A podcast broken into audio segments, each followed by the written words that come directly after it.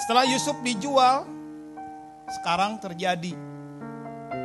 Yusuf itu digoda oleh istri Potifar. Tapi orang yang hidup dalam damai itu hidup dalam kekudusan. Kekudusan itu juga bukan tentang dilihat orang atau kelihatan atau nggak kelihatan. Kekudusan itu bukan masalah disukai orang atau tidak disukai orang Kekudusan adalah urusan dalam. Kekudusan itu adalah masalah apa yang keluar dalam hati kita. Sisi dilihat oleh Tuhan itu penting. Segala sesuatunya bicara tentang apa yang dilihat oleh Bapakmu di tempat yang tersembunyi.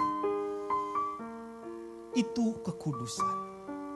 Makin dekat dengan Tuhan, standar kekudusannya makin tinggi. Apa yang orang lain boleh, belum tentu saudara boleh. Buat orang lain biasa, belum tentu saudara biasa. Kenapa? Karena standar kekudusannya meningkat.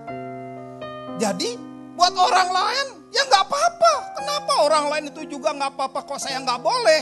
Saudara, ini bukan boleh nggak boleh.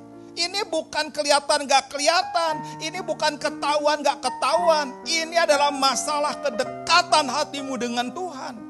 Bapamu di tempat yang tersembunyi melihatmu.